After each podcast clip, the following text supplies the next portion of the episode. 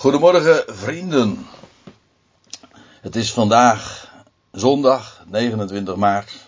En op deze dag, sterker nog, op dit tijdstip zou ik eigenlijk nu in Zoetermeer hebben moeten staan. En gaan spreken daar in de samenkomsten van eh, To Be Home. Maar goed, de actualiteit dwingt ons uh, om heel anders nu op te treden en ons aan te passen. Want ja, inmiddels uh, zijn er al een paar weken gaande waarbij we ja, toch behoorlijk beperkt zijn geworden. En het grote onderwerp, ja, in alle gesprekken, wie je ook tegenkomt, is altijd de corona. Nou, ik zal u dit vertellen. Vanmorgen gaan we het over iets heel anders hebben en ook iets vele malen belangrijkers. Dat klinkt misschien wat laatdunkend en denigrerend over wat er nu gaande is, maar ik zal u vertellen, het gaat het verre te boven. En dat ook in de letterlijke zin van het woord. Ik hoop niet dat u me kwalijk neemt uh, dat het allemaal wat anders wellicht overkomt. Ik sta hier, of ik zit hier achter mijn computer. En in plaats van dat ik uh, allemaal gezichten voor mij zie die op een of andere manier reageren en waar je als spreker dan vervolgens ook weer uh, feedback op geeft. Ja, dat ontbreekt nu allemaal, dus ik zit alleen maar naar een kaal computerscherm te kijken met tekst en de presentatie voor mij. Dus ja, dat komt wellicht misschien wat sterieler over, maar dat zij dan zo. Ik moet er zelf ook nog een beetje aan wennen. Het is de tweede keer dat ik op deze manier een studie geef. En ik hoop ook dat het eh, een beetje rustig zal blijven verder en dat er niet al te veel huiselijke geluiden zullen doorkomen, want ja, mijn huisgenoten die uh, liggen nu weliswaar nog op één oor, maar straks wellicht uh, komen ze van de trap af en zullen ze wat zeggen. Maar goed, dat maakt niet uit. Per slotverrekening, als ik in de samenkomst ben, dan zijn er ook wel eens een keertje bijgeluiden. Het thema waar we het vanmorgen over gaan hebben is uh, nauwelijks uh, een thema wat ik moet toelichten. Want uh, het is een term die we de laatste weken wel heel vaak horen. Intensive care. Het is eigenlijk ook de grote overbelasting momenteel van de intensive care in ziekenhuizen die het grote onderwerp ook zijn voor de en ook de aanleiding voor de, voor de crisis. Afijn, die actualiteit wil ik, uh, zoals al eerder gezegd, parkeren. Daar hebben we het verder niet over. Er is al zoveel over gezegd. En u zit, uh, denk ik, ook niet te wachten op mijn opinie daarover. Doet niet zoveel ter zake. Ik ga het dus niet hebben over dat coronavirus, maar ik moet erbij zeggen, het gaat op een of andere wijze toch wel degelijk over benauwdheid, over verzuchtingen en vooral over iemand die daarin intensieve zorg, intensive care verleent. Dus ik denk dat de titel eigenlijk uh, heel bijpassend is. Niet alleen bij de actualiteit, maar ook bij het onderwerp, de versen die ik ga bespreken. Ik wil u meenemen naar Romeinen 8 een hoogtepunt in het berglandschap van Paulus' brieven. Eén van de vele hoogtepunten, maar ik moet erbij zeggen, Romeinen 8 heeft alom de reputatie zo'n bergtop te zijn. Geweldig. Paulus spreekt daar inderdaad over, over de verzuchtingen, over de verzuchtingen van de hele schepping trouwens. En ik wil ook een, een vraag eh, daarin meenemen. Uh, van wie zijn het eigenlijk die zuchten? En daar zijn nogal wat misverstanden ook over. En dat komt vanzelf ook uh, aan de orde. En vooral gaan we het hebben over degene die ons pleit bezorgt. En ook wat dat betekent. Want daarover bestaat ook een groot misverstand. In feite was dat ook de directe aanleiding voor deze toespraak, voor deze studie of hoe je het ook maar noemen wilt. Want ik had de vraag van iemand voorgelegd gekregen waarom uh, wij eigenlijk iemand nodig hebben die voor ons pleit bij de Vader. Dat suggereert alsof God tegen ons is en alsof wij een advocaat nodig hebben die zou pleiten voor, voor strafvermindering of zo. En dat is toch eigenlijk een hele vreemde gedachte, om niet te zeggen een onmogelijke gedachte. Daar juist Paulus in de Romeinenbrief ons onderwijst dat wij gerechtvaardigd zijn. Hoezo dan nog een advocaat? Waarom hebben wij iemand nodig die voor ons pleit? Nou, daarover is uh, heel wat uh, te zeggen en ik denk ook dat de vork heel anders in de steel zit. Waarbij ik trouwens en passant ook nog een andere vraag zal beantwoorden. Dat klinkt wat arrogant en aanmatigend. Maar goed, ik denk dat ik het wel degelijk ook vanuit Romeinen 8 alleen al. Maar vanuit de schrift in het algemeen ook kan eh, hardmaken. Namelijk dat eh, er eh, één iemand is die voor ons pleit. En dat doet hij daarboven, fysiek, maar geestelijk ook in ons. Afijn, dat is zo even de aftrap, de directe aanleiding voor het thema, eh, het gedeelte wat ik ga bespreken. En in het kort zo de onderwerpen die daarbij zullen worden aangesneden. Ik neem u om te beginnen mee naar vers 25. Vanaf daar gaan we dan verder lezen.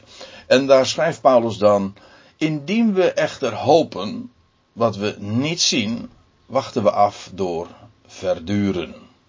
Dit is een wat letterlijke weergave vanuit de, de interlineair concordant. Dus het wijkt wat af van de NBG-tekst of de Statenvertaling. Maar het idee is hier in dit vers dat wij een hoop hebben. En het kenmerk van hoop, dat had Paulus in het voorgaande vers ook al naar voren gebracht. Het kenmerk van hoop is dat, je, dat het te maken heeft met de toekomst en met iets wat je dus nu niet ziet. Hoop die je ziet is geen hoop. Dat uh, is onmogelijk. En dus heeft het altijd te maken met, met, met ook met vertrouwen, met geloof. Je gelooft in een toekomst en aangezien die toekomst glorieus is, hoop je daar ook op. Um, het zijn dingen die allemaal nog in het verschiet liggen, maar God heeft beloofd. En omdat God het beloofd is en wij zeker zijn van die verwachting en die hoop hebben, wachten we dus gewoon af. En verduren we, doorstaan we, ondergaan we dat wat op ons afkomt gedurende de tijd. Ja, dat wij afwachten en de hoop nog niet gerealiseerd is. Die hoop die maakt dat we nu al kunnen leven, ondanks alles wat op ons afkomt. Zelfs de wereld weet dat ook, dat hoop doet leven. En een hoop, een verwachting, dat is in staat je overal doorheen te trekken zodat je ook inderdaad in staat bent te verduren de moeite, de lasten, de pijn, de emoties, noem maar op, uh, wat je ondertussen allemaal uh, meemaakt. Dat kun je verduren. Waarom kun je dat verduren? En zelfs blijmoedig verduren? Wel, dat heeft te maken met die hoop die ons uh, voorgesteld is. Dat is een anker, dat trekt ons er doorheen, dat ligt vast.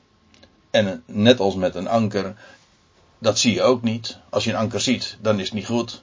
Maar een anker doet juist zijn werk daar beneden en daar ligt het vast. En daar houden we ons aan vast. Of dat houdt ons vast. Zo kan ik het beter zeggen. Zodat we in staat zijn te verduren. En dan zegt vers 26, evenzo echter komt ook de geest onze hulp onze zwakheid te hulp. Dus uh, dat evenzo echter slaat op niet alleen de hoop maakt dat we kunnen verduren en dat we afwachten. Maar er is ook nog iets anders, namelijk de geest. Dat ook ons te hulp komt in onze zwakheid. En wat is dat? Die hoop? Wel, dat is ook de geest. De geest die onze zwakheid te hulp komt. Wat is het waar Paulus in zo'n term op doelt? Wat is die geest? Wel, dan moet je eigenlijk even het hele verband kennen. Uh, de geest, dat is de geest van Christus die in ons woont. Kijk, u moet zo zien, Christus woont fysiek, lichamelijk bedoel ik, boven. Hij is ooit, uh, het heeft het aardse toneel verlaten vanaf de olijfberg en een wolk onttrok hem aan onze ogen, aan de ogen van de mens. En hij komt weer terug en dan zal hij ook gezien worden. Maar nu is hij degene die daar boven is. Tegelijkertijd woont zijn geest in ons door geloof. En Paulus had het daar een paar versen eerder ook over. En ik wil u daar even mee naartoe nemen, namelijk vanaf vers 9. Want dan blijkt dat die geest ook verschillende benamingen heeft. Daar staat in vers 9 dit, maar dat Paulus zegt, maar jullie zijn niet in het vlees, maar in de geest. Er staat eigenlijk niet eens de geest, maar gewoon geest. Aangezien Gods geest in jullie woont. Moet je opletten hoe verschillend Paulus die geest, die waarin wij zijn, aanduidt. Hier, aangezien Gods geest in jullie woont, indien echter iemand Christus geest niet heeft, deze is niet van hem. Maar indien Christus in jullie is, is inderdaad het lichaam een dode vanwege de zonde, maar de geest is leven vanwege gerechtigheid. Indien echter de geest van hem, die Jezus uit de doden opwekte, in jullie woont, en nou ja, enzovoorts. Nou, waar ik even de aandacht voor wil vragen is het feit dat die geest de geest van God is. Het is Gods geest. Het is de geest ook van God die Jezus uit de doden opwekte. Als eersteling. Het heeft dus alles ook te maken met leven. Dat staat er trouwens ook. De geest is leven. Geest en leven zijn zelfs synonieme begrippen, ook in onze taal. Als je de geest krijgt, ontvang je leven. En als je de geest geeft, dan, ja, dan sterf je, dan ontvliet het leven je. Maar let op, het is de geest van God. Hoezo de geest van God? Wel, het is uh, in hem vindt het zijn oorsprong. Het is zijn geest, maar het is ook de geest van Christus. Hoezo de geest van Christus? Wel, het is de geest die Christus uit de doden opwekt. Het heeft dus inderdaad te maken met leven, maar dan eigenlijk met hoofdletters. Niet, geen sterfelijk leven, dat leven dat de dood in het verschiet heeft. Nee, het is leven dat de dood achter zich heeft. En dus opstandingsleven. En dat is die geest. Opstandingsleven. En het is uh, ook Christus geest. En het wordt zelfs in vers 10 genoemd. Uh, vers 9 dus Gods geest. Uh, Christus geest. En in vers 10 indien Christus in jullie is. hey, dan zou je zeggen van zijn dat allemaal verschillende geesten? Nee, het is één geest en het is Gods geest. Omdat het de geest is die uh, van God afkomstig is. En het heet de geest van Christus. Omdat hij de eersteling is uh, van dat leven. Waardoor uh, dat Christus aan het licht bracht. En het heet ook Christus omdat hij in feite de geest zelf ook is. Hij wordt in 1 Korinthe 15 genoemd de, de laatste Adam en de levendmakende geest. Dus het is inderdaad, al die termen zeggen iets over geest. Geest is in het algemeen onzienlijk. maar het is, het is leven. Zoals leven trouwens ook onzienlijk is. Maar de uitingen van dat leven, ja, die zijn onmiskenbaar. En vitaal. Betekent trouwens ook leven. Dus als ik nu even terugga naar Romeinen 8. Evenzo echter komt ook de geest onze zwakheid te hulp. Ja, dat is die geest van God dus. Oftewel, de geest van Christus. De geest die Christus uit de doden heeft opgewekt. En dus inderdaad ook zijn geest is, omdat hij representeert die geest. Hij representeert dat nieuwe leven dat aan het licht is gekomen. Heilige geest. Het is maar niet zomaar geest. Het is zoals eh, wij leven hier kennen. Nee, het is Gods geest. Heilige geest. Die uh, onvergankelijk is. En wel die geest, dat woord ook. Van dat ook woord en geest is ook, zijn ook synonieme begrippen. Want zijn geest woont in ons doordat dat woord van leven in ons is. En dat geeft ons ook leven. Afijn, evenzo echter komt ook de geest onze zwakheid te hulp. Ja, wat dacht je wat?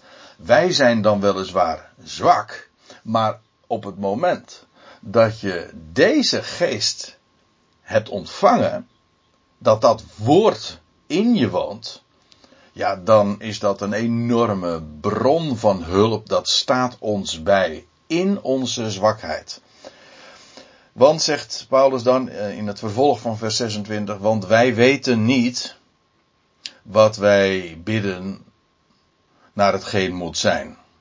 Of in de MBG-vertaling zegt, wij weten niet wat we bidden zullen naar behoren. Eigenlijk het idee is, en letterlijk staat er, wij weten niet wat wij uh, zullen bidden naar hetgeen moet zijn. Wat Gods plan met ons leven is en wat Hij ons wil geven, dat is vaak aan onze aan onze waarneming en ook onze wensen trouwens uh,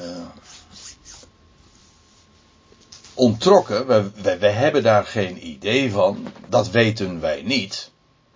Er zijn wel meer dingen die wij niet weten. Maar een van de dingen die wij dus ook niet weten is hetgeen moet zijn. Ik bedoel maar dit, om eventjes heel concreet te zijn. Weet u op dit moment hoe het de komende weken zal gaan in verband met de crisis die in de hele wereld nu gaande is. En zelfs deskundigen die elke avond voor de televisie hun verhaal doen en hun expertise op het onderwerp waarin zij gespecialiseerd zijn loslaten, zij hebben geen idee. Ze kunnen opties, scenario's noemen, maar ze weten het niet. Wel, zo is het gebed van ons ook vaak stamelen. We hebben namelijk geen idee van hoe het moet zijn. Dat weten we niet. En wij bidden vaak, en dat is ook logisch, eh, dat onze zwakheden zou worden, zouden worden weggenomen. Geen mens wenst dat. Geen mens wenst ziek te worden, geen mens wenst tegenslag. Nee, maar wij weten niet naar wat moet zijn. Wij weten niet wat uh, Gods weg is en die juist door tegenslag, door zwakheid heen, door lijden heen, dat is een van de thema's van Romeinen 8 ook. Wij weten niet dat, uh, we beseffen maar nauwelijks, dat die lijdensweg noodzakelijk is voor onze vorming. En het was ooit Paulus die ooit een, een doorn voor het vlees had, ongeacht wat dat is geweest. Dat is nu het onderwerp niet. Maar hij had een doorn en hij heeft drie keer ernstig tot God gebeden. Dat dit weggenomen zou worden voor hem. En toen kreeg hij uiteindelijk het antwoord. Mijn genade is jou genoeg. Wat ik jou geef, dat is meer dan voldoende. En sinds Paulus dat heeft geleerd, het kwartje viel bij hem heeft hij niet meer gebeden voor het wegnemen van zijn zwakheden of het wegnemen van de moeite. Hij ging danken. Hij ging roemen in zijn zwakheden en in benauwdheden en in, in alles uh, wat, uh, wat tegen hem leek. Hij ging erin roemen omdat hij wist. God gaat al die minnen die negatieve dingen omzetten op zijn wijze, zoals alleen hij dat kan, naar een plus. Dat is toch geweldig. Kijk, dat weten wij. Let op, evenzo komt ook de geest onze zwakheid te hulp.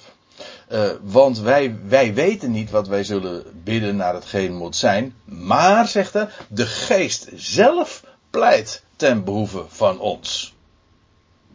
Hoezo? Die geest pleit ten behoeve van ons. Wel, die geest die in ons woont, die komt onze zwakheid te hulp.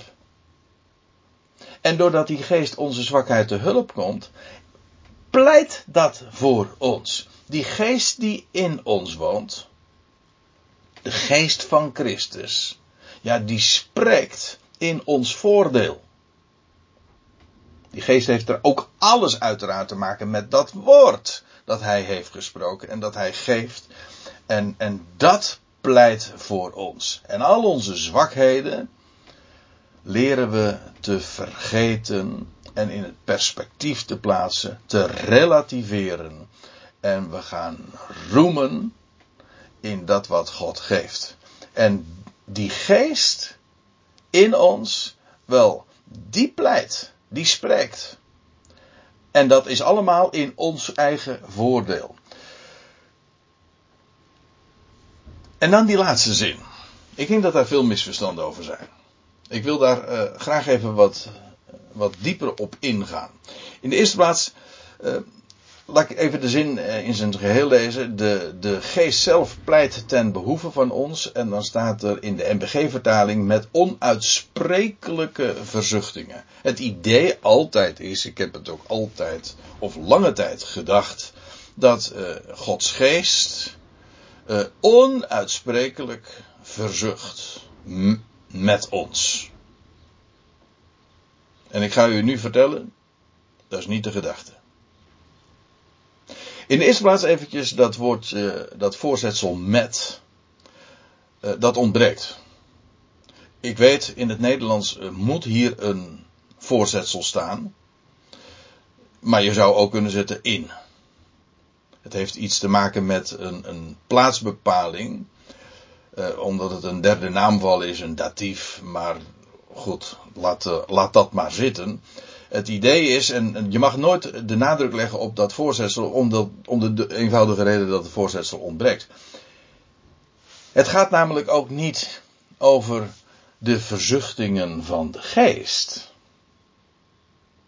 Nee, de geest pleit voor ons in onuitgesproken verzuchtingen, niet de verzuchtingen van hem, maar onze verzuchtingen. Terwijl wij verzuchten, pleit de geest ten behoeve van ons. En dan nog even over dat woordje onuitgesproken. Of de NBG-vertaling dus onuitsprekelijk. Dat geeft denk ik sowieso al een verkeerde indruk. Omdat bij ons het woordje onuitsprekelijk de gedachte heeft van enorm, zeer. Het drukt intensiteit uit. Het is onbeschrijfelijk. Maar dat is niet de gedachte. Je moet het woordje onuitsprekelijk uh, letterlijk nemen. Of letterlijk uh, onuitgesproken. Het betekent gewoon dat die verzuchtingen er zijn, maar die verzuchtingen worden niet uitgesproken, er worden geen woorden aangegeven. Aan een zucht kun je woorden geven, maar een zucht zelf uh, behoeft uh, uh, geen, woorden mee te krijgen. En dat is hier ook de gedachte. Het zijn onuitgesproken verzuchtingen. En wat ik u wil vertellen is, het is de geest die pleit in ons voordeel. Het is de zijn geest woont in ons. Zijn woord, want dat is die geest, zijn woord woont in ons en dat pleit voor ons. En terwijl wij verzuchten, maar aan onze verzuchtingen worden geen woorden gegeven. En dat is het geweldige. Op het moment dat de geest voor ons pleit, en in ons ook pleit, en zijn woord klinkt, ja, dan zijn onze verzuchtingen er nog wel, maar wij geven er geen woorden meer aan. Waaraan woorden gegeven worden, is dat aan, aan wat hij te zeggen heeft. Zijn geest, die pleit. En onze verzuchtingen, die worden op deze wijze gedempt, onuitgesproken. Ik moet er wel bij zeggen, die verzuchtingen zijn er natuurlijk wel. Ook daarover had Paulus eerder gesproken. In uh, vers 22 schrijft Paulus: Want wij weten. Aan de ene kant zegt hij in deze brief heel vaak. Uh,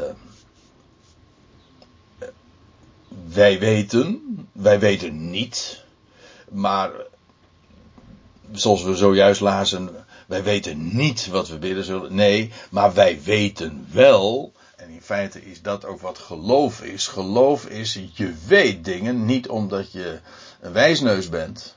Of omdat je intelligent bent en zelf antwoorden gevonden hebt. Maar omdat je gehoord hebt. Hij zelf heeft gesproken. Ik heb het uit zijn mond gehoord. De schriften zeggen het. En daardoor weten wij. Niet voelen wij, dat voelen, dat heeft nog eh, heel sterk te maken met die verzuchtingen. Dat is wat we voelen.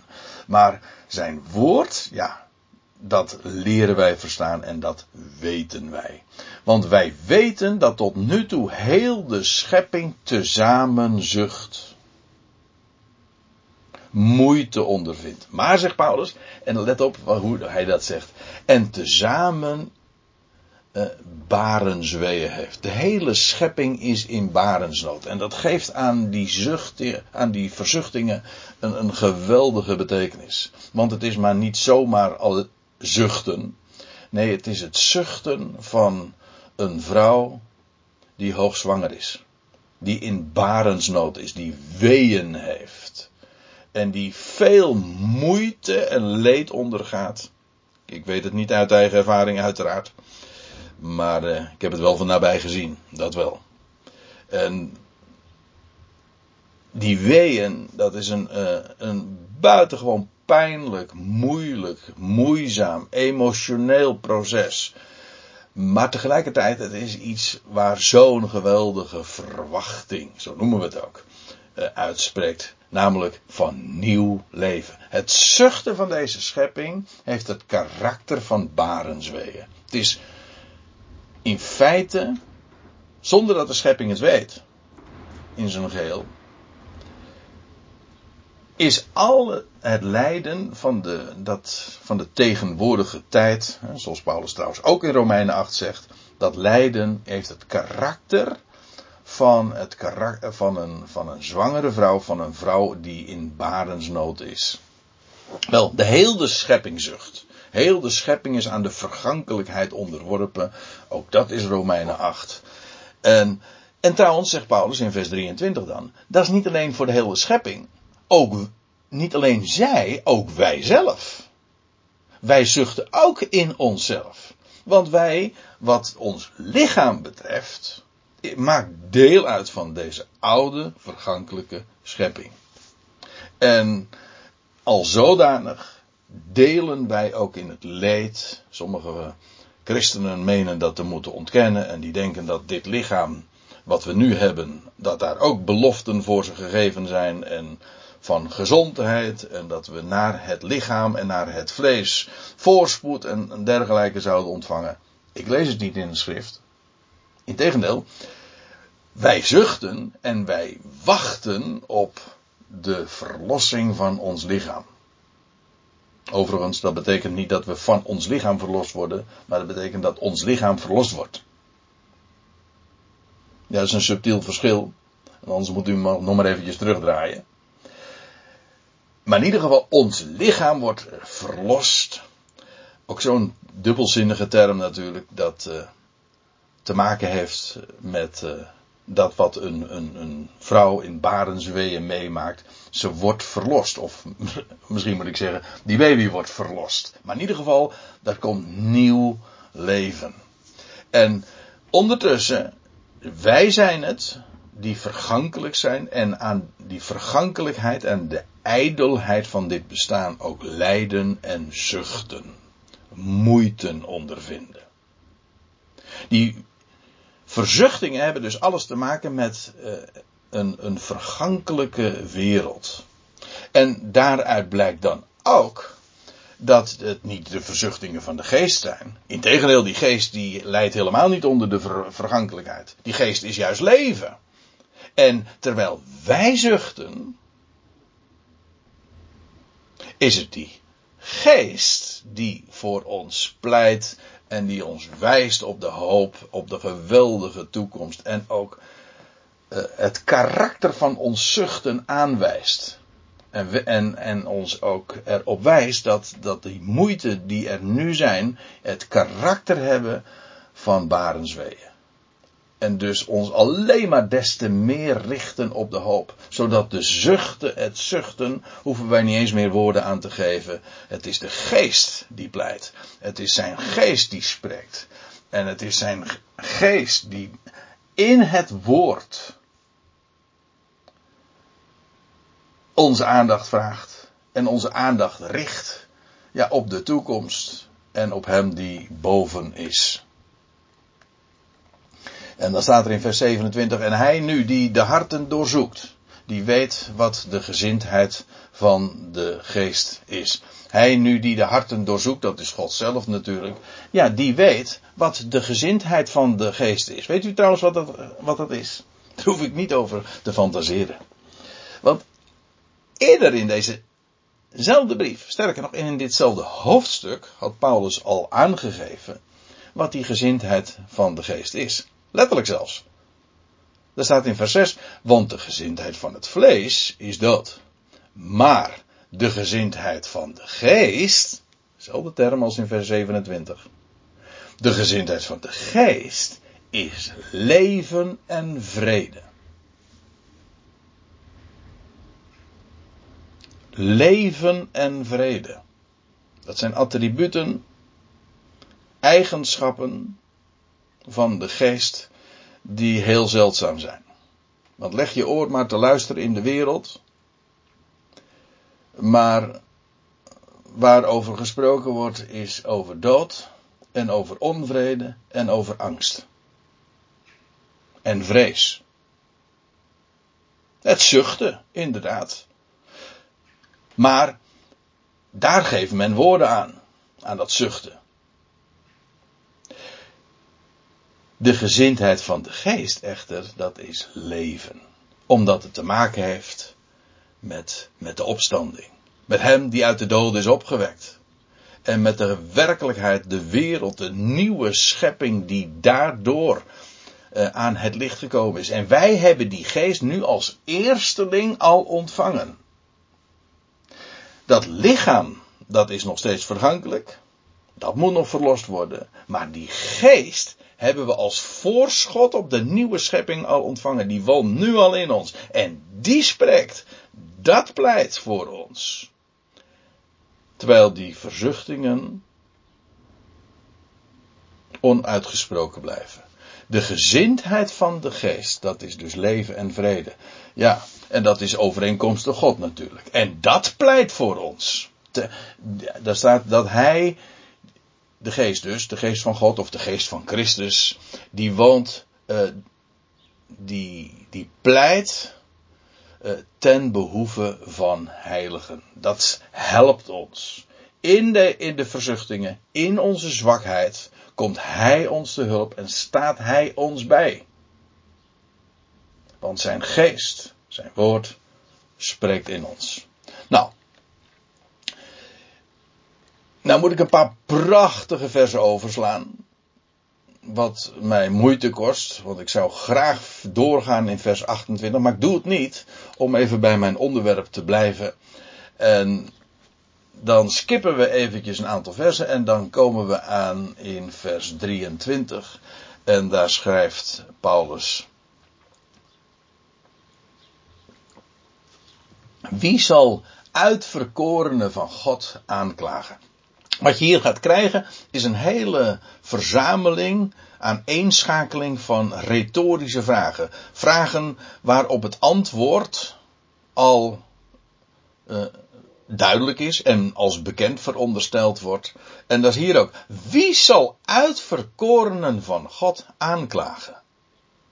Als God iemand uitkiest, wie is dan in staat zo iemand aan te klagen?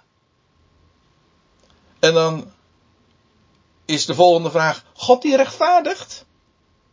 Dacht je nou nou werkelijk? Als God nou mensen roept en bovendien rechtvaardigt. Wie is het dan die dan nog aanklaagt? In uh, het vers hier aan voorafgaand, of vers 31, daar staat: Als God voor ons is. Wat is dan tegen ons? Als hij nou die, de hele schepping in zijn hand heeft. Alles gemaakt heeft. Hemel en aarde voluit en in alle details onder controle heeft. Als die God voor mij is, wat kan er dan tegen mij zijn? Helemaal niets. En er kan me ook niets overkomen. Zelfs lijden en moeite en benauwdheid. We zullen het straks ook zien. Wat we allemaal kunnen ondervinden. Dat kan nooit tegen ons zijn. Integendeel, dat moet meewerken. Dat was trouwens ook Romeinen 8. Alles moet meewerken. Waarom? Wel, God is voor ons. Het moet meewerken ten goede. God, die minnen die wij zien en beleven in het lichaam, de negatieve dingen, die moeiten, die verzuchtingen, die zwakheden, dat is niet tegen ons. Nee, dat zijn minnen waar God plus ervan maakt. En geloof onderkent dat. Geloof zegt daar amen op. Geloof staat daarop. Wie zal uitverkoren van God aanklagen? God die rechtvaardigt. En dan, wie is het die veroordeelt? Laat degene die een oordeel zou willen uitspreken of willen veroordelen, laat hem opstaan. Zou die op willen staan en God de schepper van hemel en aarde willen tegenspreken. Wie is het die veroordeelt? En dan de volgende vraag. Christus Jezus die verstierf? Ook hier is de vraagsteller haar beantwoorden. Christus stierf. Ja, waarom? Nou, hij stierf voor ons, voor de hele wereld, als bewijs van Gods liefde. Maar als God zijn zoon nu heeft gegeven. Als bewijs van liefde. Dat was trouwens Romeinen 8. Nee, pardon, Romeinen 5, vers 8. Waar Paulus ook zegt van ja, het is misschien nog mogelijk dat iemand, dat is een ultieme daad van liefde, dat iemand voor een ander zijn leven inzet, voor een ander bereid is te sterven. Dat kan. Wat. Maar dan doe je dat voor een, iemand die je geliefd uh, hebt, uh, vindt, of die, uh, van wie je houdt, of voor een goede. Maar Paulus zegt, maar God bewijst zijn liefde. Dat Christus voor ons stierf toen wij nog zondaren, toen wij nog vijanden waren. Met andere woorden, die liefde is, is onvoorwaardelijk. Gods liefde betreft deze wereld. Wie je ook bent. Waarom? Het is zijn wereld. Het is zijn schepping. Hij laat dat niet los. Vandaar ook dat deze hele schepping in verwachting is, in blijde verwachting. Een vergankelijke schepping wordt onvergankelijk gemaakt. En hij, Christus Jezus, is degene die voor ons stierf. En dat is het embleem en het bewijs van Gods liefde.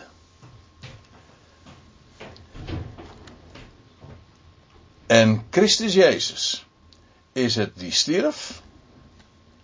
Maar er staat erachter, wat meer is, die werd opgewekt. Hoezo wat meer is? Wel, dat moet duidelijk zijn. Christus Jezus stierf. Waarom? Ja, dat is een bewijs van Gods liefde. Maar waarom stierf hij? Wel, om te kunnen worden opgewekt.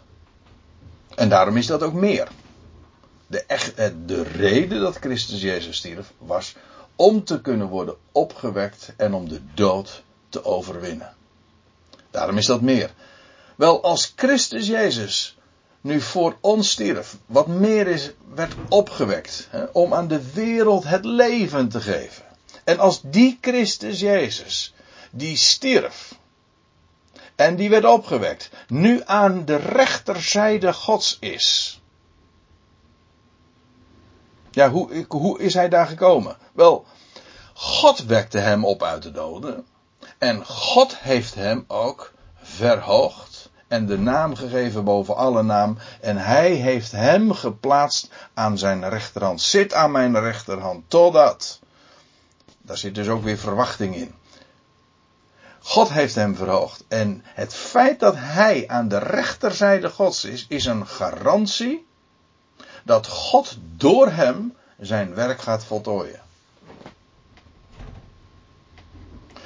Dus, als ik even naar de beginvraag ga, wie zal veroordelen? Christus Jezus? Dat meen je toch niet? Degene die voor ons stierf, wat meer is, die werd opgewekt, die nu aan de rechterzijde Gods is. Kijk, daar is hij nu lichamelijk. Ontrokken aan het oog. Maar niettemin, hij heeft de aller, allerhoogste positie daar boven alles. Aan Gods rechterzijde. En het loutere feit dat hij daar is, wel, dat pleit voor ons. Er staat ook, die ook ten behoeve van ons pleit. Kijk, en nu kom ik weer even terug op de eerste aanleidingen waar ik al wat over zei. De vraag van, ja, maar waarom hebben wij eigenlijk iemand nodig die voor ons pleit? Het is mij heel vaak zo verteld dat uh, uh, als wij dan zondigen, dan is daar iemand die boven is en onze advocaat. En hij pleit dan voor, uh, voor onze voor strafvermindering. Of hij zegt dan, ja maar vader, uh, straf hem niet, want ik heb de straf gedragen voor hem of zo. Dat is trouwens ook al geen bijbelse gedachte. Maar het is zo'n dissonant. Die uitleg is zo misplaatst, omdat het namelijk een vraagteken zet, waar God een uitroepteken zet. Wij zijn gerechtvaardigd. Als God voor ons is, als God ons rechtvaardigt, waarom heb ik dan iemand nodig die, die voor mij uh, als een advocaat pleit? Of uh, pleit voor gratie of voor strafvermindering of uh, schulduitdelging. Wie praat er over schuld? God is het die rechtvaardigt. En het feit dat Christus Jezus voor ons pleit, heeft niet te maken met, met onze zonde. Of met het feit dat we een advocaat nodig hebben. Of iemand die uh, voor ons in de bres springt, zo van God wil ons eigenlijk veroordelen. Maar nou komt Christus en die komt daar tussen beiden als een soort bliksemafleider en die zegt van. Uh, die als advocaat dan voor ons zou optreden. Dat is zo misplaatst. Wij zijn gerechtvaardigd. En als God rechtvaardigt, ja, wie zal er dan veroordelen? Wie zal dan aanklachten aanheffen?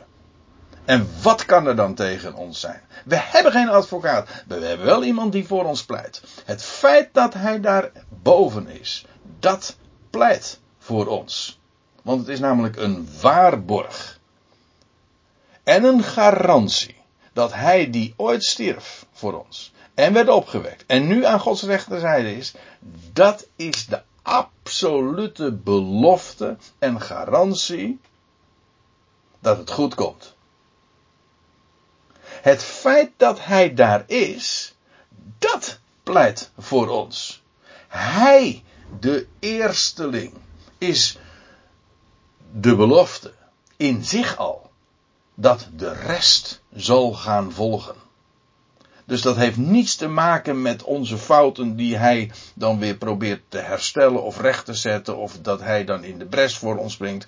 Want het is een ontkenning van onze rechtvaardiging die hele uitleg, die kan regelrecht de prullenbak Het is een, een dissonant. Het is zelfs een ontkenning van, van wat Paulus juist hoofdstukken lang heeft uiteengezet. Vergeet het maar. Er is er één die voor ons pleit. Waarom? Omdat hij Het feit dat hij daarboven is, is een waarborg voor de goede afloop.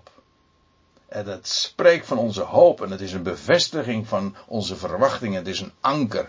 Hij is daarboven en zijn geest, zijn woord, ja, die woont in ons. En die spreekt ook. En die pleit ook. En onze verzuchtingen, die worden niet uitgesproken. Wat uitgesproken wordt, waar we woorden aan geven, dat is aan, aan wat God belooft.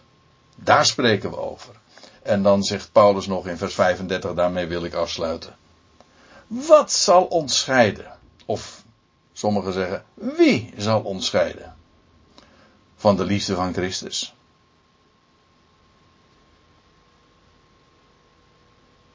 Dat kan toch niet? Als dit het plaatje is. Als dit het grote perspectief is. God die voor ons is. Christus Jezus die voor ons stierf en opgewekt is en nu aan Gods rechterzijde is. Als dat zo is, wat zal ons dan kunnen scheiden van de liefde van Christus? Dat is volstrekt uitgesloten. Verdrukking niet. Benauwdheid niet. Trouwens, dat woord benauwdheid is wel interessant, want het is direct ook verwant aan het woord verzuchting. Verzuchting heeft ook alles te maken met benauwdheid. En dat moet ik weer denken aan die intensive care. En dan kom je aan de, aan, aan de beademing. Wel, als wij benauwd zijn, dan is er. En in het nauw komen en in, aan gaan verzuchten, dan is het zijn intensieve zorg die ons lucht geeft en adem geeft. En er is geen capaciteitsprobleem, integendeel. Er is iemand die absoluut voor ons instaat en zijn woord geeft ons hoop geeft, verwachting bevestigt. Dat is het anker. En daarom verdrukking of benauwdheid, ook vervolging of honger of naaktheid of gevaar of het zwaard, al die dingen, het kan zomaar over ons komen. Paulus wist waar hij het over had. Wij leven wat dat betreft nog in buitengewoon luxe omstandigheden. En we zijn ook niet veel gewend. Ook dat heeft de laatste weken wel uh, ons uh, laten zien. We zijn zomaar als samenleving ook helemaal van het padje. Maar wat ons echt kracht geeft en weerstand, uh, onze weerstand opbouwt, dat is die hoop en die verwachting waardoor wij weten. En dan, ja, dan, of, of het nou verdrukking is, of benauwdheid, of vervolging, of honger, of naaktheid, of gevaar, of het zwaard. Ik weet het, ik zeg heel wat. Ik zeg heel veel, want dit is ongelooflijk. En dan begrijp je ook meteen waarom Paulus over zuchten spreekt. Natuurlijk, niks menselijks vreemd. Maar dan dit. Hoe intens erg dat alles ook is. En hoezeer dat alles een min is. Never nooit is het in staat om ons te scheiden van de liefde van Christus. Dat is absoluut onmogelijk. Er is er namelijk één die voor ons pleit. En aan zijn intensieve zorg, aan zijn intensive care, hebben we meer dan genoeg. Dat geeft ons lucht. Dat geeft ons moed. En dat doet ons omhoog kijken.